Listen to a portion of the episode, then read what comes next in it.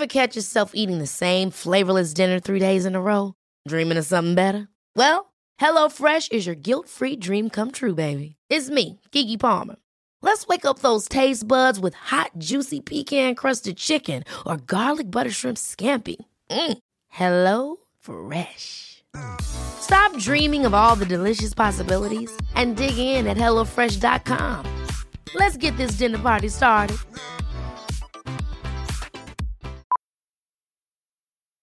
Millions of people have lost weight with personalized plans from Noom, like Evan, who can't stand salads and still lost 50 pounds. Salads, generally, for most people, are the easy button, right? For me, that wasn't an option. I never really was a salad guy. That's just not who I am. But Noom worked for me. Get your personalized plan today at Noom.com. Real Noom user compensated to provide their story.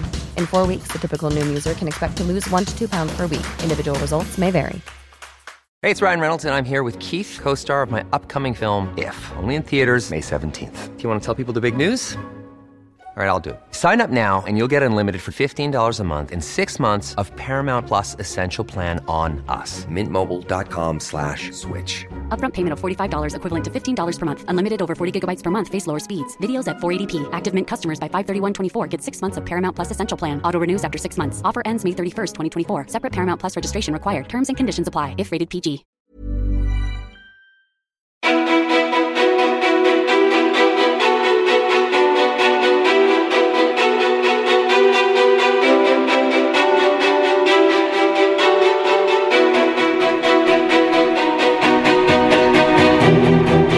Isabelle Boltenstern är programledaren som slog igenom för några år sedan. Och hon har redan nominerats till både Årets kvinnliga programledare och Årets sportprofil i det prestigefyllda tv-priset Kristallen. Hon bloggar, har gjort mängder med viktiga och roliga YouTube-klipp och hon inspirerar oss med sin träning på Instagram. Men det kanske viktigaste är att hon använder sin röst för att gång på gång berätta om sina erfarenheter av utmattning. Isabelle sätter ord på sånt som många upplever och känner igen sig i. Och nu släpps hennes första bok, Lycka till med resten av livet, som handlar om just utbrändheten och hur vi kan leva mer hållbart. Det här är andra gången som Isabelle gästar den här podden. Och vad har livet tagit henne sen sist? Varmt välkommen till podcasten Ofiltrerat med mig Sofia Peterfia Ståhl. Hej! Hej!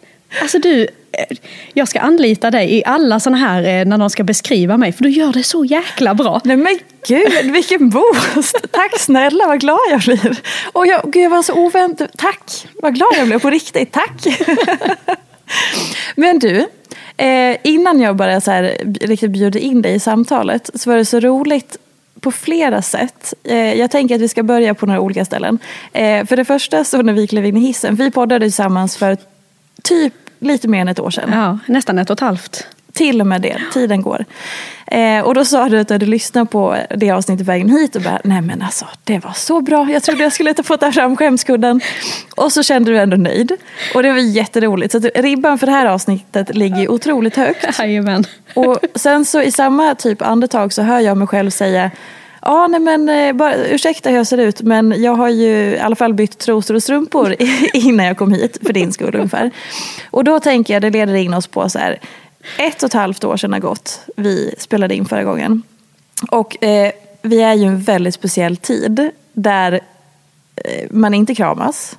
Nej, vi körde ju en armbågstouch. Exakt. Fan vad tråkigt det kändes. Det kändes så tråkigt. Och så här, hur är livet, om vi börjar bara här och nu, hur känner du att livet är? Med tanke på att det är den här situationen.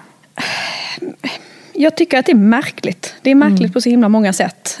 Um, och man blir så illa berörd av alla historier man hör. Och framförallt att det verkar vara att alla mår konstigt. Ja. Um, och jag som ändå brukar jobba hemifrån känner också att jag mår konstigt i allt det här. Trots att för mig personligen så har inte så mycket förändrats. Men det är mer den här liksom allmänna världsstämningen som känns så jäkla dämpad. Mm.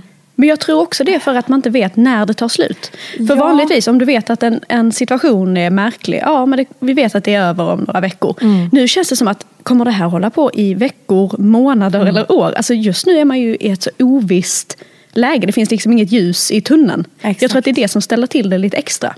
Verkligen. Och om vi då tar det till den, så här, det är flera anledningar till att du är här eh, igen, men att du är här just precis nu är ju för att du ska släppa en bok nästa vecka, då om man lyssnar på det här när avsnittet släpps, som heter, nu får du börja dra hisspitchen, namnet och allting. Vad är det för bok?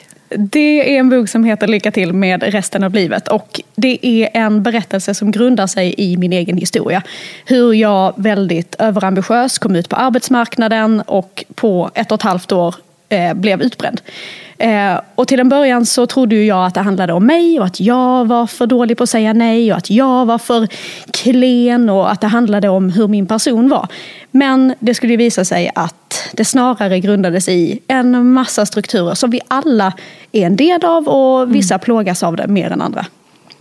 Kan du ge några eh, exempel på eh, de här strukturerna som du nämner?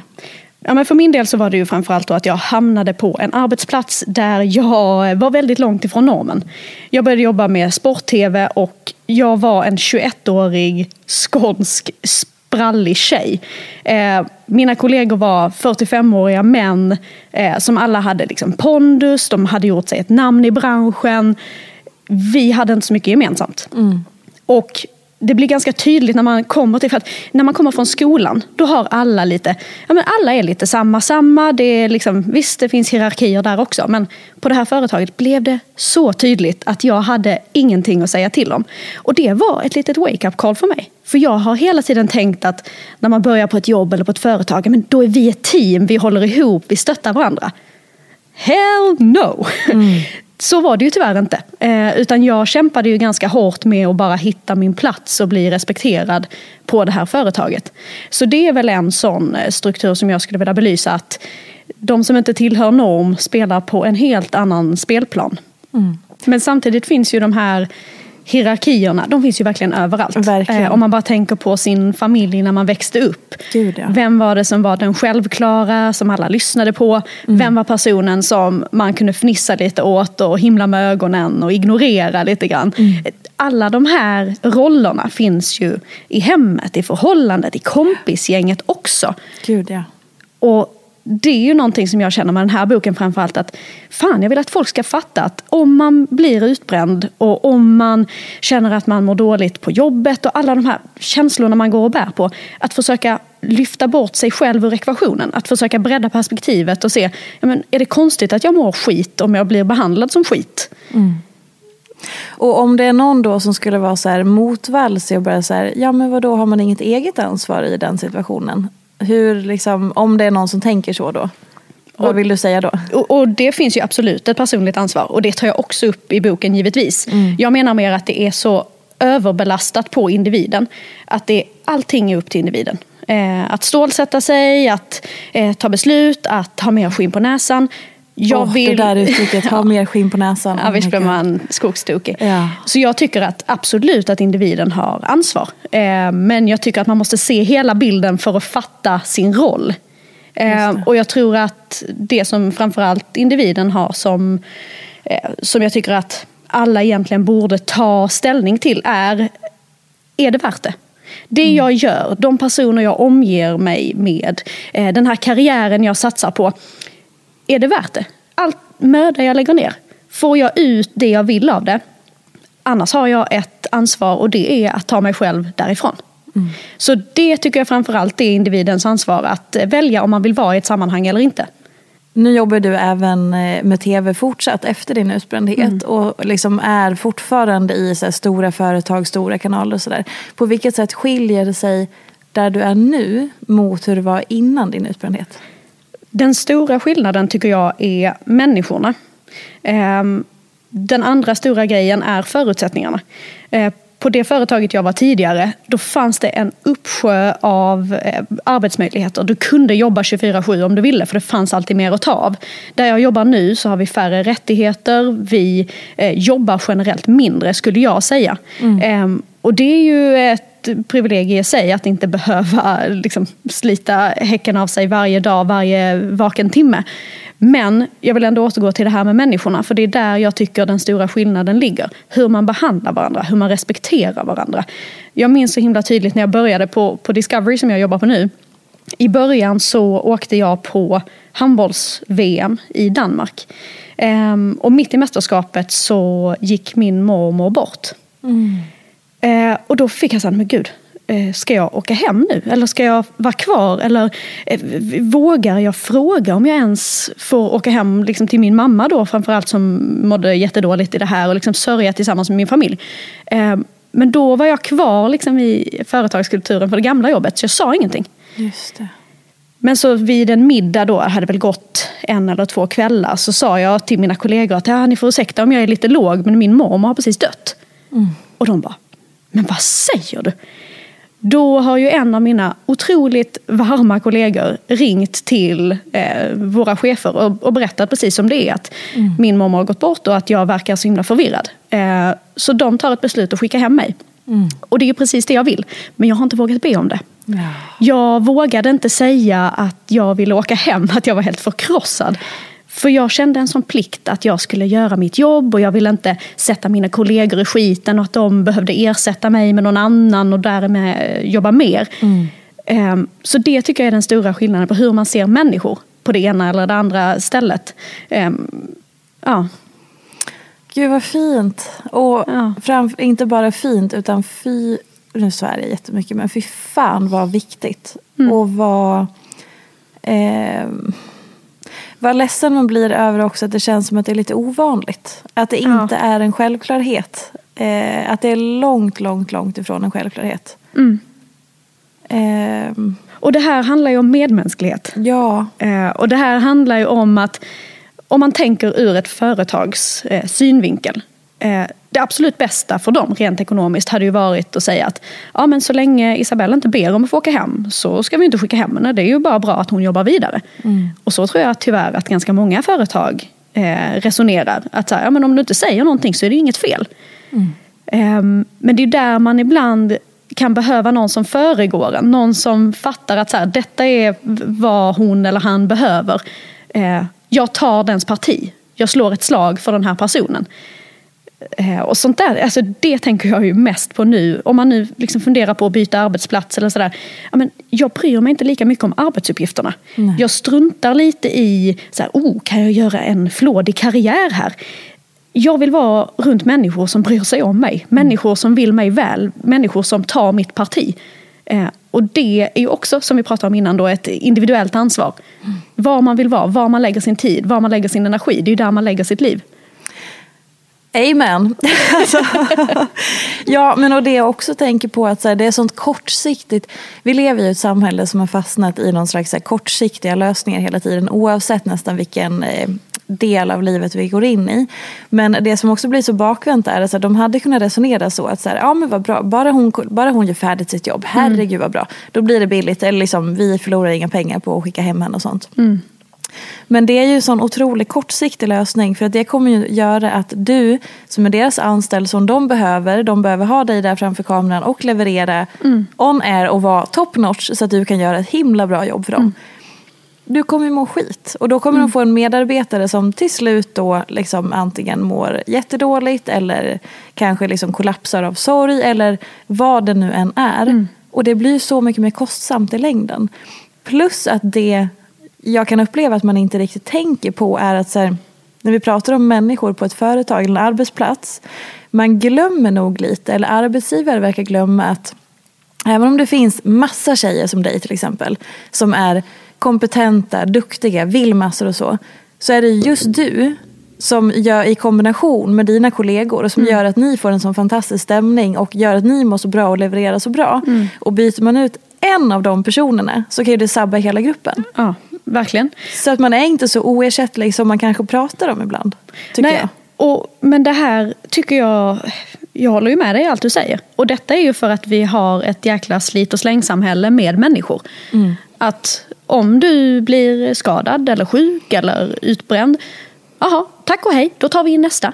Ja. Det, det finns liksom en tanke på att människor bara kommer och går och att det är lättvindigt. Men vi som har varit utmattade, vi ser inte det som en två veckors paus och sen är man på benen igen. Det förstör liv. Och det ansvaret har ju företag, de, de är högst delaktiga i att se till att folk mår bra. Eh, så ja, det finns ett individuellt ansvar. Men det finns också ett företag på en högre nivå. På företagsnivå, på samhällsnivå, på politisk nivå. På alla jävla nivåer vi kan komma åt. Mm. För det är ett strukturellt problem. Ja, verkligen. Um, jag tänkte på eh, några grejer när jag cyklade hit. Och var så här, okej, okay, men eh, vi hade ju ett sånt himla bra snack förra gången. Eh, och man kan ju bläddra ner i listan om man vill lyssna på ett förra avsnitt tillsammans, eh, Isabells avsnitt. Eh, och det jag tänkte på var så här, som ex-utbränd, dels så tänkte jag på hur, liksom var i din identitet är utbrändheten nu när det har gått några år? Eftersom jag jobbar så mycket med Eh, med utmattningen i mina sociala kanaler och jag har precis skrivit en bok om det så är det ju så himla närvarande fortfarande. Mm. Eh, men det är inte lika närvarande i form av att jag behöver pussla lika mycket med mitt liv längre. Nej.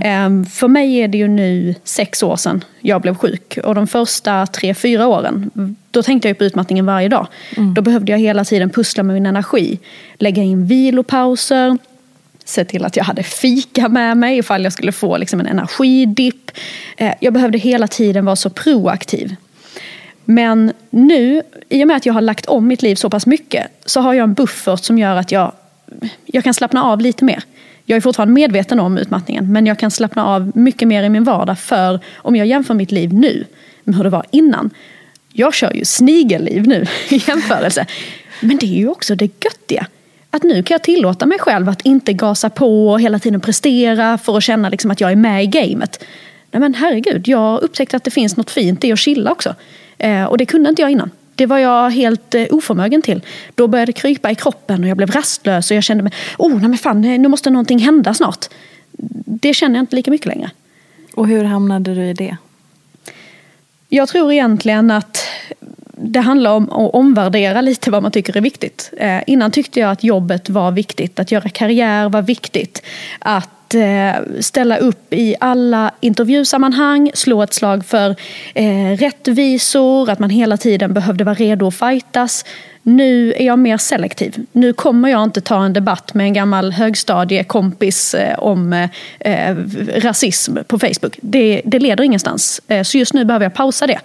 Visst, har jag mycket energi då kan jag gå in i en sån debatt. Men jag måste spara krutet ibland. Mm. Nu har jag till och med glömt vad din ursprungsfråga var. Det gör inget, fortsätt bara. och eh, liksom det här med identiteten. Eh, nu ska du, precis, du står inför att släppa din första bok och med det så kommer ju ett PR-arbete och att prata om utbrändheten och gå in i minsta detalj. Journalister kommer ju snart sitta och så här, men Isabelle, ge oss det mörkaste du har i det jobbigaste du har.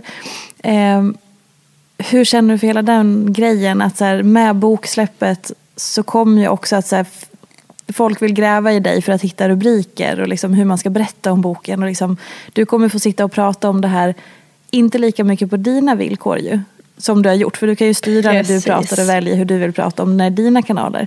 Men nu står det för att de de säger som en... men alltså, så. Ja men precis, så här, nu är det någon annan som kommer sitta och plöja dig och ställa dig mot väggen kring de här frågorna som ändå är så här, det är ju ett sår i dig antar jag. Mm. Ehm, så hur förbereder du för hela den biten? Jag känner egentligen att, att prata om själva utmattningen och symptomen och hur jag har tagit mig tillbaka, det är den lätta delen. Mm. Att prata om de här strukturerna, om orättvisorna, om jämställdheten. Eh, att ta den debatten, där är det så svårt att hitta rätt ord. Det är mm. svårt att sammanfatta det jag har skrivit i boken, liksom flera sidor och kapitel. Det är svårt att hitta de där slagkraftiga meningarna. Och det är klart att även om jag vet var jag står så vill jag också kunna förklara saker rakt och tydligt så att det inte råder någon tvekan om vad jag vill ha sagt. Men jag vet ju också att när man sitter i en intervju och någon, eh, som du säger, liksom, den här gamen kommer och pickar och drar. Eh, det är jättesvårt. Jag tycker mm. det är skitjobbigt. Eh, och framförallt när man märker att någon har en agenda. Till exempel att jag ska prata om den tidigare arbetsplatsen eller den här chefen jag hade som inte behandlar mig speciellt bra. När man märker att de vill liksom göra det här till någon vendetta-grej. Men jag är inte intresserad av det. Jag vill skriva den här boken. Jag vill att fler ska läsa den för att de ska fatta att det är inte bara deras fel om de mår dåligt. Jag vill liksom att vi ska bredda det perspektivet. Jag är inte intresserad av en fight. Jag vill inte ha skrämselrubriker. Jag vill inte ha tv-profilen rasar mot. Alltså alla de här grejerna ger en sån djävulsk klump i magen. Eh, jag vill hellre ha en rubrik som är liksom 200 sidor om hur man mår gött. Det är en rubrik jag hade velat ha. Ja. Men jag kan ju tyvärr inte styra det alla gånger. Nej, men och, finns det någonting i det så här, för att jag upplevde när jag släppte min första bok som också hade en del om eh, min utbrändhet. Att så här, varje, efter att ha sett intervjuer och märkt att så här, det var det som alla ville prata om hela tiden. Trots att i mitt fall så var det väldigt liten del av min bok. Mm. Ehm, och att hela tiden gå tillbaka till de tankarna och känslorna gjorde att jag fick någon form av, det var lite tajtare för mig i och för sig, nu har det gått längre tid för dig. Men kan du uppleva det så här, kroppen minns, så att du får nästan som ett bakslag när man måste gå in i det så med, all, med hjärta och själ för att kunna återberätta och sånt där? Eller får du någon sån fysisk reaktion ibland eller så? Jag kan få en fysisk reaktion men det är inte så mycket för att jag går in i den känslan. För som sagt, det har gått sex år för mm. mig. Eh, mycket i min hjärna har förträngt det jävligaste. Mycket i min kropp det, det, är en vag dröm som ligger kvar lite. Mm. Eh, så jag har svårt att få den där superkänslan igen. Ehm, men jag tror för dig, som du sa, hur, hur långt var det mellan din sjukskrivning och att det här kom ut och att du gjorde intervjuerna? Eh, det var väl tre år. Ja. Så det var mycket tajtare ja, liksom tre år efter min utmattning, då sov jag 12 timmar om natten, ja. powernappade två timmar mitt på dagen. Eh, blev trött om jag hade en konversation längre än 20 minuter. Mm. Så det kan jag absolut förstå. Och sen tror jag också att, som sagt, min, min oro ligger mer i att behöva slåss mot de här strukturerna och fördomarna. Eh, utmattningen blev konsekvensen, men jag tycker att själva grundproblemet ligger någon annanstans. Mm. En annan sak som jag tänkte på när jag cyklade hit var så här, vad finns i ditt liv nu som du fortfarande kämpar med som skulle kunna leda till att du hamnade på en dålig plats? Finns det någonting som ligger kvar och skräpar om du förstår vad jag menar? Ja... Oj, vad svårt. Um, jag tycker att jag har tagit itu med väldigt mycket och hittat ett system som funkar väldigt bra. Min stora rädsla, det här har jag aldrig sagt högt, eh, är ju när man eh, i framtiden kanske får barn. Mm, relaterar. När man helt plötsligt eh, inte kan sova så mycket som jag har gjort. När man inte får den återhämtningen man behöver. När man ansvarar för ett annat liv. Mm. Jag har ju haft ett privilegie i form av att jag, kan, jag har brytt mig om mig själv. Jag kunnat komma tillbaka för jag har dansat efter min egen pipa. Med ett spädbarn, då är det inte så. Så jag har ju en, en rädsla för att i framtiden, om, när man får barn, att då kommer det nog inte vara lika lätt att förhålla sig. Mm. Om vi tänker oss nu scenario där du får veta att du är gravid. Mm. Eh, och att du nu har eh, allt det här vad det innebär framför dig. Mm. Det är helt omöjligt såklart att veta exakt. Men hur tror du liksom att du kommer känna och förbereda dig och liksom, liksom ta dig an hela den nya uppgiften och liksom det nya livet då, i och med att du har den här oron i dig? Alltså det är så svårt att tänka de här ja. tankarna. Eh, min, mina första tankar blir ju så himla praktiska eftersom jag, precis som du, är mer liksom åt frilanshållet. Man mm. har sitt eget företag. Då blir jag så här, okej, okay, hur funkar ens eh, Eh, föräldrapengen när jag driver mitt eget företag och är konsult på ett ställe. Mm. liksom alla de här tankarna blir ju också, kommer jag ha ett jobb kvar? Mm. Eh, finns det någonting när jag kommer tillbaka? Det är ju en oro som kommer med det också. Ehm, sen så blir ju nästa grej att jag bor inte i samma stad som mina föräldrar. Mm. Kommer det påverka? Kommer det göra att jag får mindre avlastning än vad jag hade kunnat få om jag bodde i Helsingborg till exempel? Eh, så att jag, direkt när du sa det tänkte jag bara de här praktiska bitarna. Ja. Eh, inte så mycket de känslomässiga bitarna tror jag. Och om du går vidare till dem då? Alltså då hade jag ju egentligen tänkt som jag tänker med det mesta att det, det kommer att bli vad det blir. Mm. Eh, det kommer antagligen kännas jobbigt längs vägen. Eh, man får göra det bästa av situationen. Och fortsätta på det spåret som jag har byggt upp de senaste åren. Att ge mig själv de bästa förutsättningarna. För det är någonting jag pratar vitt och brett om. Att, att man ska försöka se hela perspektivet. Att man ska försöka anpassa sig efter, så här, okay, men om jag vill att det här ska fungera, vad behöver jag ge upp? Vad behöver jag tumma på? Vad behöver jag lägga mer kraft och energi vid? Alltså att man får kanske kalibrera om det som är ens eh, vardagsnavigation. Mm. Var det ett mm. någorlunda vettigt svar?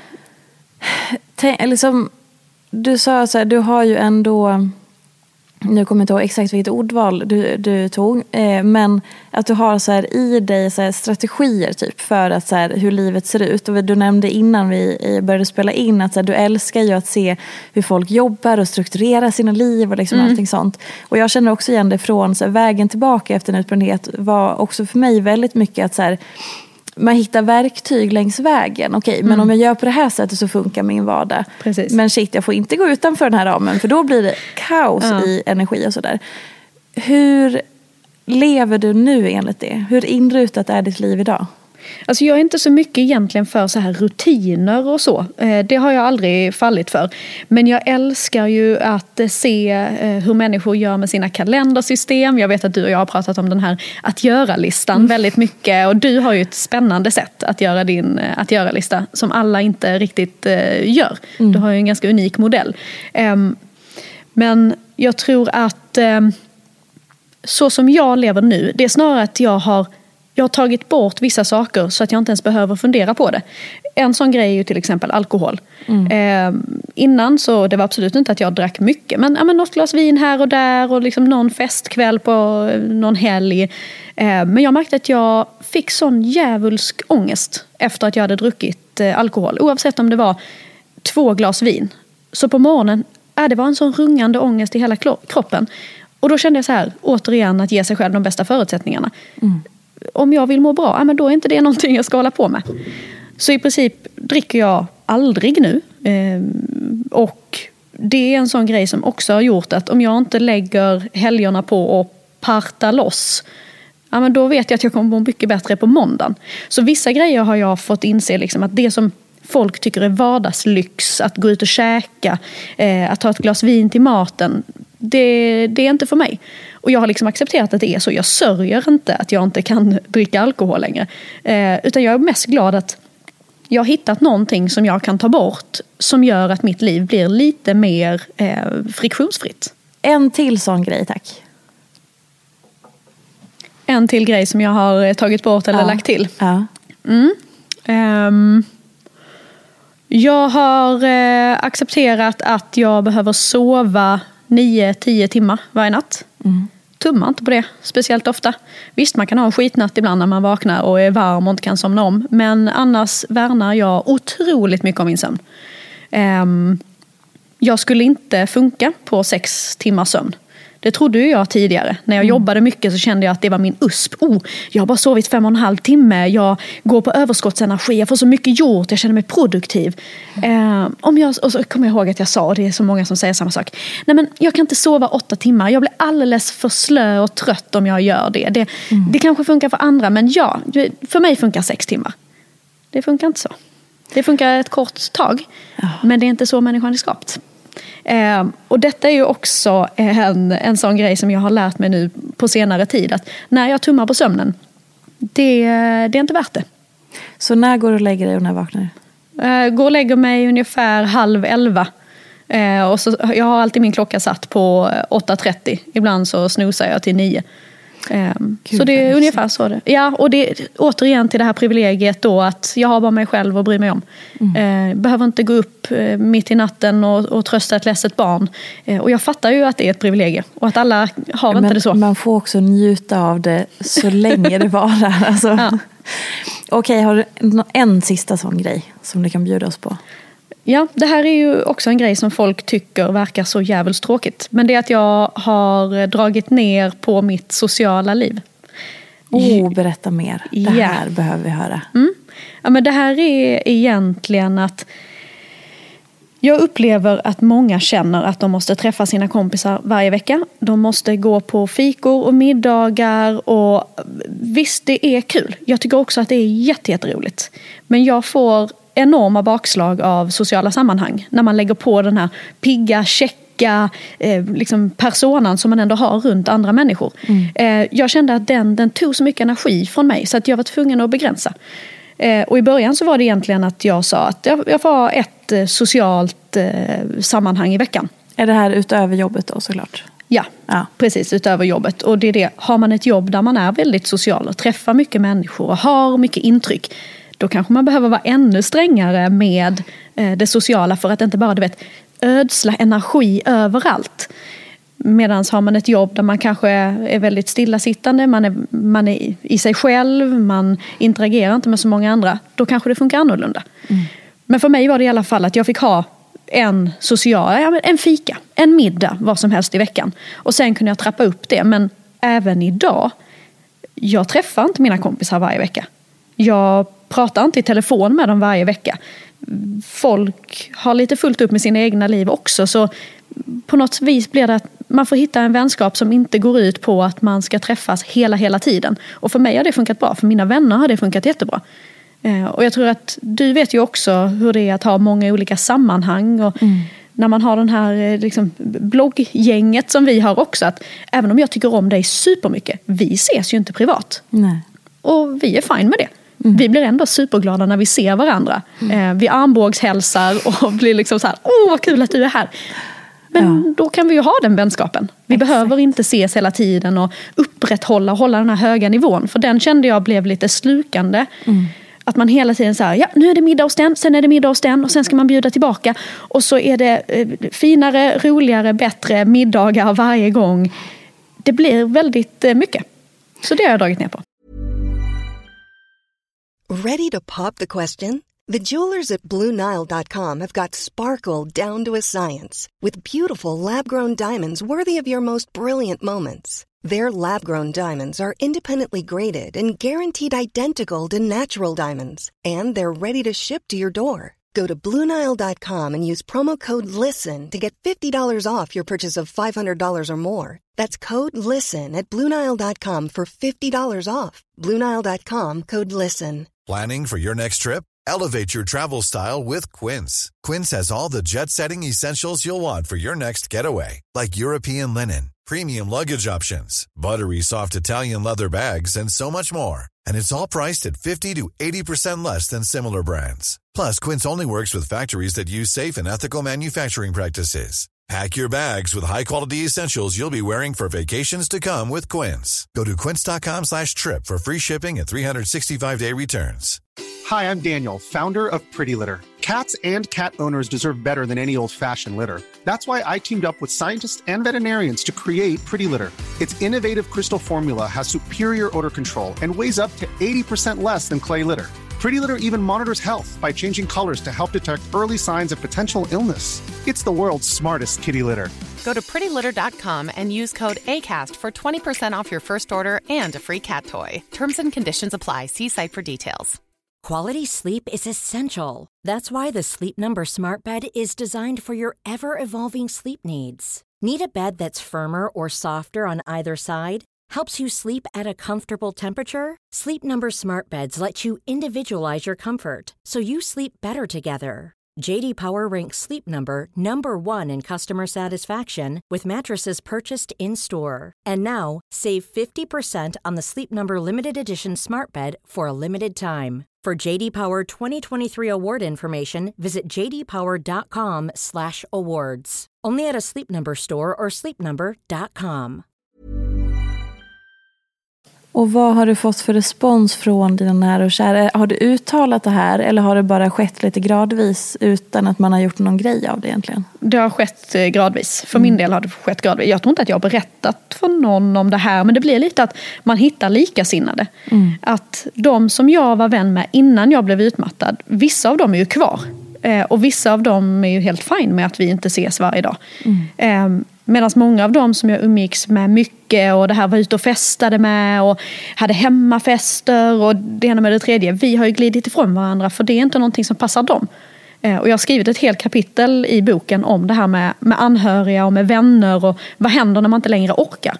Eh, och någonstans har jag accepterat att men jag, jag kan absolut förstå att de inte vill ha den sortens vänskap som jag kan erbjuda. Och då får det vara så. Då behöver det inte vara mer med det. Och hur ser din... Eh, för du behöver vara selektiv. Om du till exempel har satt upp för dig själv att så här, ja, men ett socialt sammanhang per vecka, det är det jag vill ha. Eh, och så kommer det en vecka där det är tre olika personer som hör av sig med jätteroliga saker. Och sen Mm. blir du inbjuden på två middagar. Alltså, någonting där det är så här, åh herregud, den här veckan är det extra mycket sociala sammankomster som alla verkar roliga och som alla verkligen vill att jag ska komma. Det kan ju många känna blir en så här, nästan lite skuld då om man tackar nej. Att man är så otacksam. Eller hur säger man ens nej? Hur resonerar du kring det?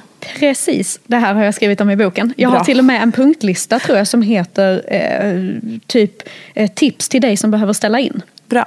Där det finns olika punkter. Jag tycker ju att man ska spela med öppna kort. Ja. Eh, om man blir bjuden på någonting och man känner att ah, fan, alltså jag, jag kommer inte orka det här. Säg det då. För det enda som händer om man inte är ärlig är att folk eh, skapar sina egna uppfattningar. Om jag säger till dig, vet du vad, jag har haft en så jäkla hektisk vecka, jag måste verkligen vara hemma och vila. Eh, kan vi ta det en annan gång? Då tänker du, ja absolut, det är klart vi kan göra det.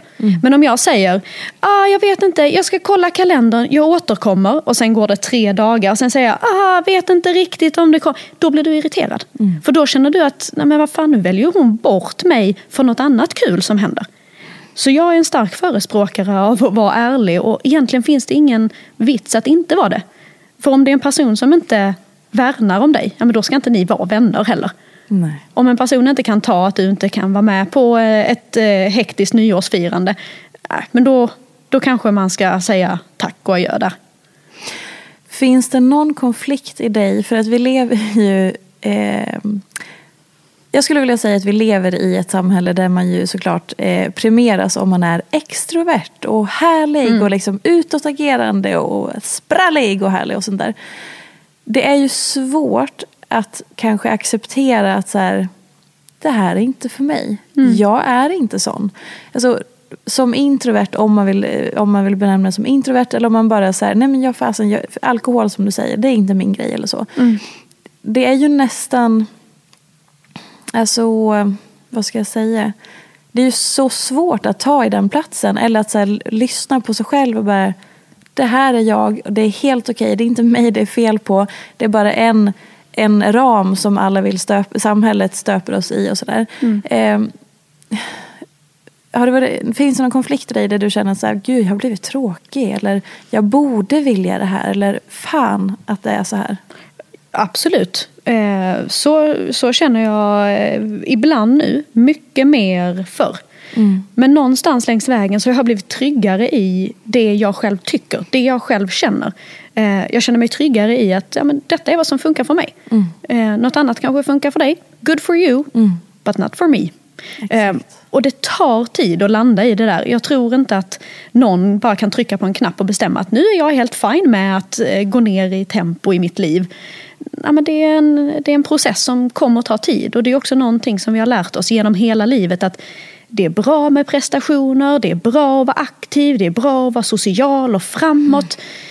Ja, har vi lärt oss det i 25 år då kommer det ta längre tid än en vecka att ändra på den åsikten. Och där tycker jag det där handlar jättemycket också vad man matar sin egen hjärna med. För umgås man med människor som tycker sådär, som resonerar sådär, då är ju eh, risken då att man själv resonerar på precis samma sätt. Och det är det som faktiskt är det fina med internet. Nu kan du följa vem du vill. Nu kan du följa någon som har de där åsikterna som du kanske önskar att du hade. Och successivt mata dig själv med eh, liksom att man vänjer hjärnan med att tänka i andra banor än vad man vanligtvis gör. Så det är ett litet tips. Har du gjort det själv på senaste? Jag har gjort det med en annan grej. Ja. Eh, Det handlar om kost.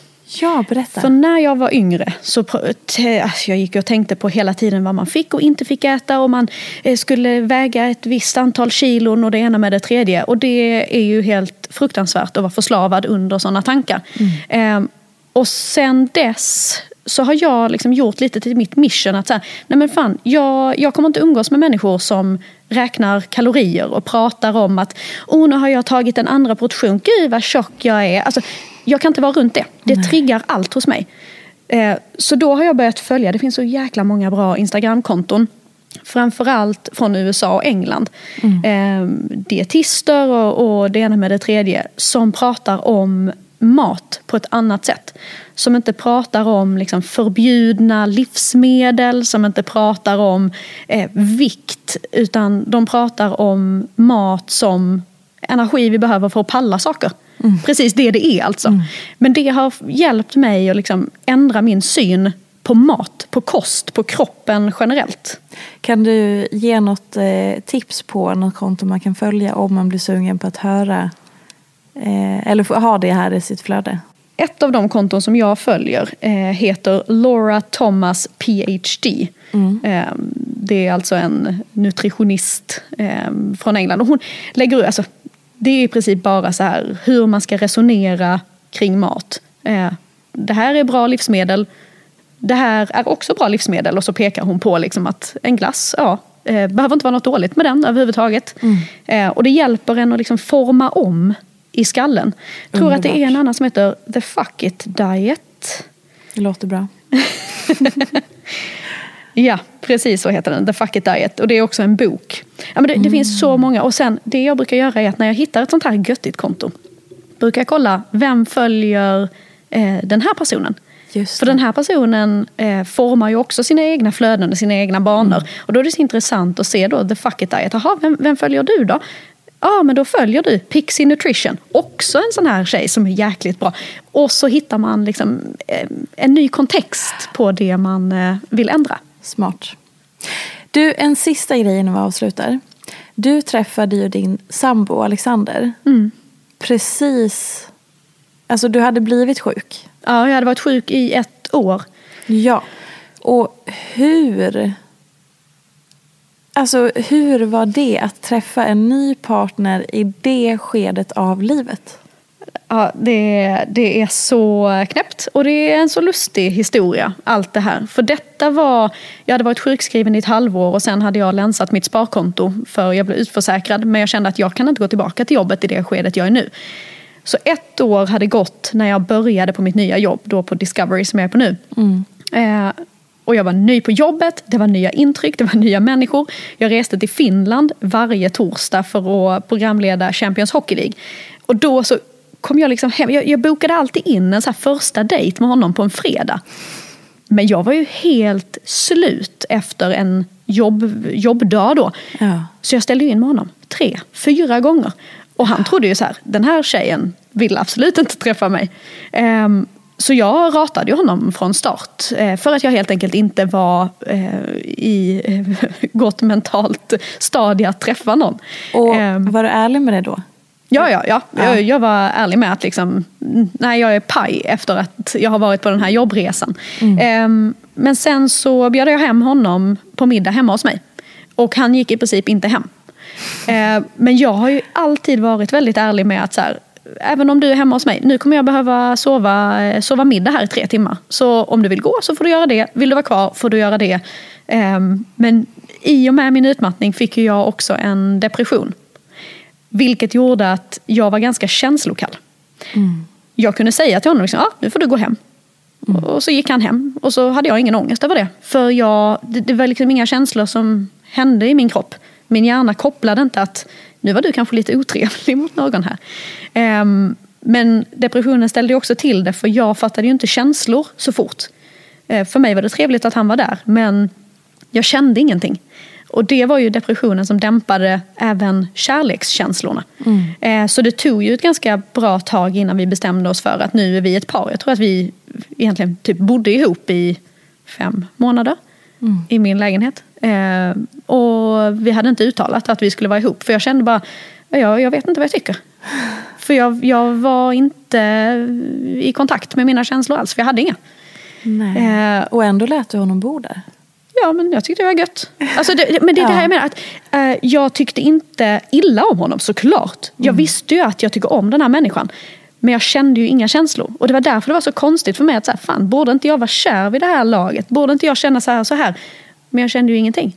Inget var kul, inget var tråkigt. Mm. Allt var bara blaha.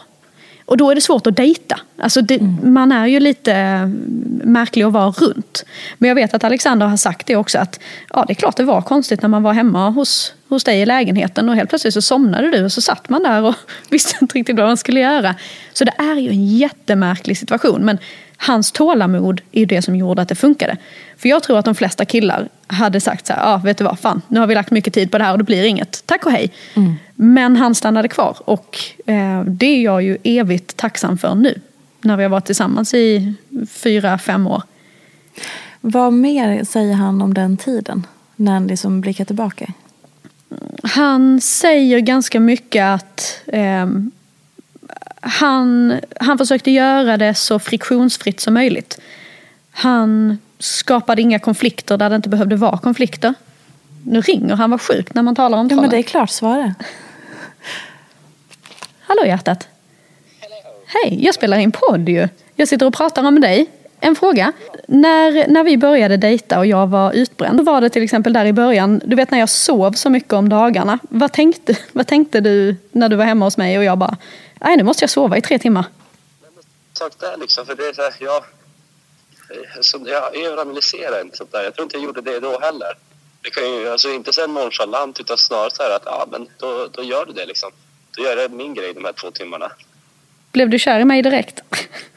Eh, ja, men det, det har vi ändå bevis på hur, hur, mycket, hur mycket jag försökte, jag försökte få ihop oss och du var tveksam.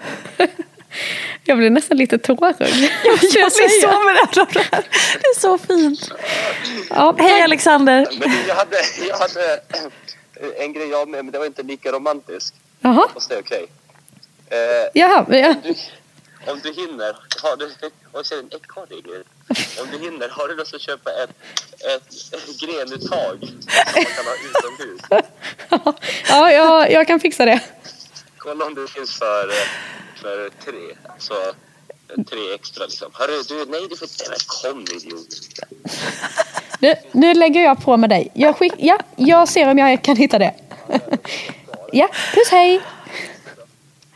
Alltså förlåt men jag måste ju bli ihop med en norrlänning, det hör jag ju direkt.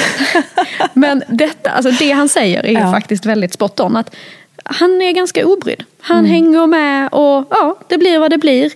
Och det är det som är så jäkla skönt. Att han har aldrig pressat mig att så här, nu måste du visa upp resultat här, att du mår bättre. Nu måste du ställa upp och följa med hit. Han är så jäkla avkopplad och bara, ja, sitter vi i soffan och kollar film i eh, tre månader och säger, ja gött, då gör vi det. Det, det är liksom, han gör ingen grej av saker. Och det är skönt. Eh, på vilket sätt tror du att det hade varit annorlunda om du inte hade träffat honom i den tiden av ditt liv? Alltså, om jag skulle tänka att jag då skulle ge mig ut på någon form av Tinder-marknad och dejta och så. Jag hade inte orkat det. Eh, För det är just det här att träffa nya människor och sätta sig in och lära känna dem. Det, det är jobbigt alltså. Och framförallt det här att man måste förställa sig själv och oh, nu ska jag visa mig från min bästa sida. Och, jag hade inte orkat det. Men någonstans tror jag att det kanske var lite det han föll för också. Att jag var ganska rakt på, ja det är så här jag är. Vill du vara med på det här tåget så är det bara att stanna kvar. Ehm, men när jag, ja, det är så svårt att tänka hur det hade varit utan honom. På något vis. Ja. Jag tänker då att hans personlighet också kanske var ganska viktig för dig där i och med att eh, om han liksom har den inställningen och sen så han på något vis okejar ju att så här, du, du kan vara precis som du är nu i det här. Det, då blir ju det som ett vilsamt umgänge att vara i också. Absolut. Och han har ju hjälpt mig mycket utan att han egentligen vet om det. I många tankar, i många resonemang.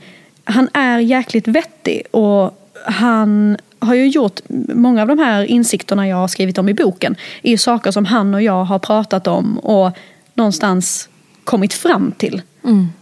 Så han är ju eh, verkligen någon som jag vill tacka eh, det yttersta. Fint.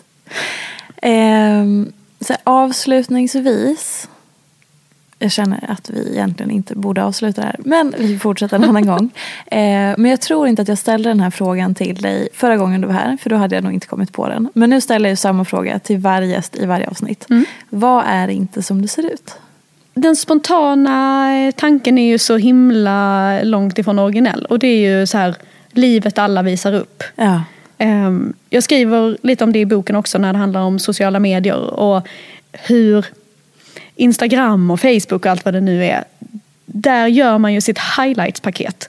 När vi inom sporten gör highlights-paket så har vi haft en hockeymatch i 60 minuter. Vi klipper ihop de bästa målen, de bästa tacklingarna. Precis så är det ju på Instagram också. Du visar upp crème de la crème av ett liv. Och ibland ett förställt liv dessutom, ska vi ju säga. Du visar inte upp en felpass som gick rakt i famnen på en motståndare. Eh, och det är någonting som vi fortfarande måste påminna om. Ja. Vad gör du på din Instagram som är crème de la crème skulle du säga? Min crème de la crème är ju snarare att jag försöker sprida de här tankarna. Eh, att få folk att resonera om kring hur de ser på sig själva, hur man ser på prestation, hur man ser på kraven man ställer på sig själv, kraven man ställer på andra, kraven andra ställer på en. Min crème de la crème är att lyfta det här. Inte att visa upp så mycket av mig och mitt eget, utan kanske snarare sätta in en tanke i någons huvud, så ett litet frö som kan bli något bra sen. Och eh, om man skulle fråga en följare till dig hur de ser på din Instagram, vad tror du att de hade svarat? Jag tror att de hade sagt att jag är ganska rolig. Hoppas jag. Åh vad fint, du såg så glad ut när du sa det. jag vet, men det, men det är också det här som är grejen. Att även om jag pratar om saker som är livsnödvändiga, som är jätteallvarliga. Jag försöker ju göra det med den liksom humorn som det förtjänar. Som gör att man vill läsa mer, man känner att man får ut någonting av det och att det behöver inte vara så. Även om utmattning är det mörkaste skiten man har varit i. Mm. Ja men det blir ljusare. Det finns någonting där som ändå, man måste kunna skratta åt skiten också. Så jädra viktigt att hitta de små, små stunderna av någonting som gör att man lever upp lite. Ja, som du säger, verkligen. pausa lite ifrån det. Jag kommer ihåg att jag skämdes för de stunderna i början. Jag var så här, jag hade någon rutin med eller rutin kunde det inte vara för jag ställde in väldigt många gånger. Men i mitt huvud så försökte jag hålla en rutin att jag skulle gå en söndagspromenad med en kompis. Mm. Det här var kanske, jag vet inte om det var ett år in eller några månader in. Eh, från min sjukskrivning. Och då att så här, ta den promenaden med henne. Det fick mig att känna en liten stund av lycka eller mm. glädje. Eller, alltså, jag blev, det blev sådana positiva känslor när jag gick hem från den promenaden. Sen mm. så var jag ju sängliggandes i början i flera dagar efteråt. Såklart. Men det var ändå så här, åh, mm. oj. Jag, jag, liksom, jag fylls av någonting. Ja. Eh, men sen så kom det också skam i det. För då var jag så här, oj, är jag inte sjuk nu? Ja. Är, är det okej okay att känna så här trots att jag är sjukskriven? Absolut. Men herregud, du vet, och då mm. likadant om det. Jag minns också även när min exman kom hem från eh, skolan, för han pluggade då. Mm.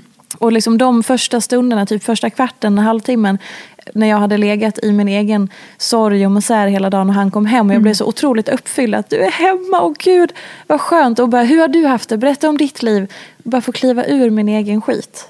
Jag håller liksom, helt med. Det är så viktigt. Absolut, och det är ju det som också gör, det blir ju en snabb påminnelse om att det finns ett liv. Exakt. Och det är det det var ju det som lite höll en flytande också. Ja. De här ständiga påminnelserna om att oh, det kanske kan bli bra en gång. För nu kände jag ju det där pirret, eller jag mm. kände hur det bubblade i kroppen. Om ens bara för någon sekund så är det en påminnelse om att det kommer inte vara skit för evigt. Exakt. Världens bästa slutord för det här avsnittet. Vill du lägga till någonting om man har lyssnat? Nej, men, som alltid när vi har spelat in så känner jag så här oj vad spretigt det blev. Ja. Men jag hoppas verkligen att, eh, att man tar till sig av det här samtalet och tänker vad, vad tycker jag i de här frågorna? För mm. det är inte bara att du och jag sitter på något facit utan så här, vad tycker jag själv när det kommer till typ att välja en arbetsplats? Mm. Vad tycker jag är viktigt? För vissa kanske karriär är viktigt. Men då tycker jag att man ska ifrågasätta varför.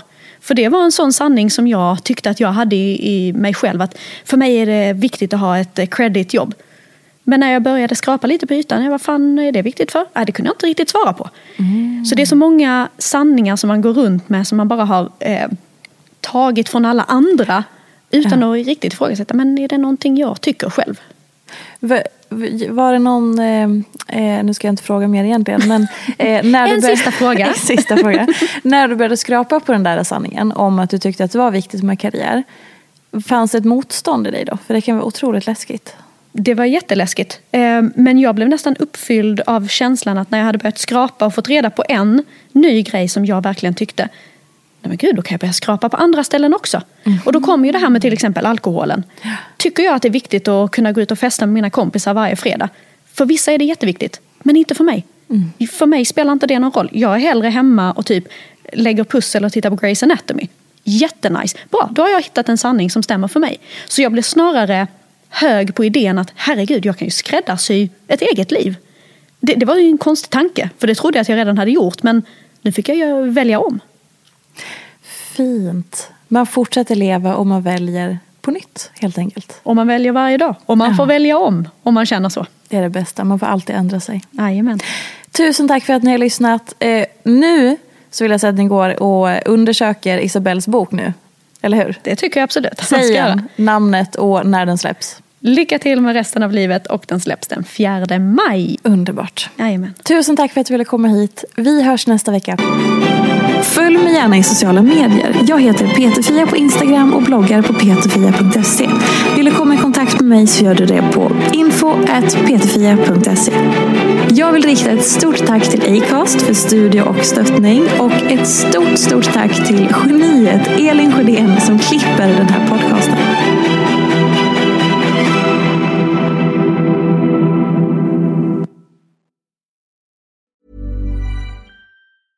Hey, it's Paige DeSorbo from Giggly Squad. High quality fashion without the price tag. Say hello to Quince. I'm snagging high-end essentials like cozy cashmere sweaters, sleek leather jackets, fine jewelry, and so much more. With Quince being 50 to 80% less than similar brands. And they partner with factories that prioritize safe, ethical, and responsible manufacturing. I love that. Luxury quality within reach. Go to quince.com slash style to get free shipping and 365 day returns on your next order. Quince.com slash style. Hold up. What was that? Boring. No flavor. That was as bad as those leftovers you ate all week. Kiki Palmer here, and it's time to say hello to something fresh and guilt-free. Hello Fresh. Jazz up dinner with pecan-crusted chicken or garlic butter shrimp scampi. Now that's music to my mouth. Hello Fresh. Let's get this dinner party started. Discover all the delicious possibilities at hellofresh.com.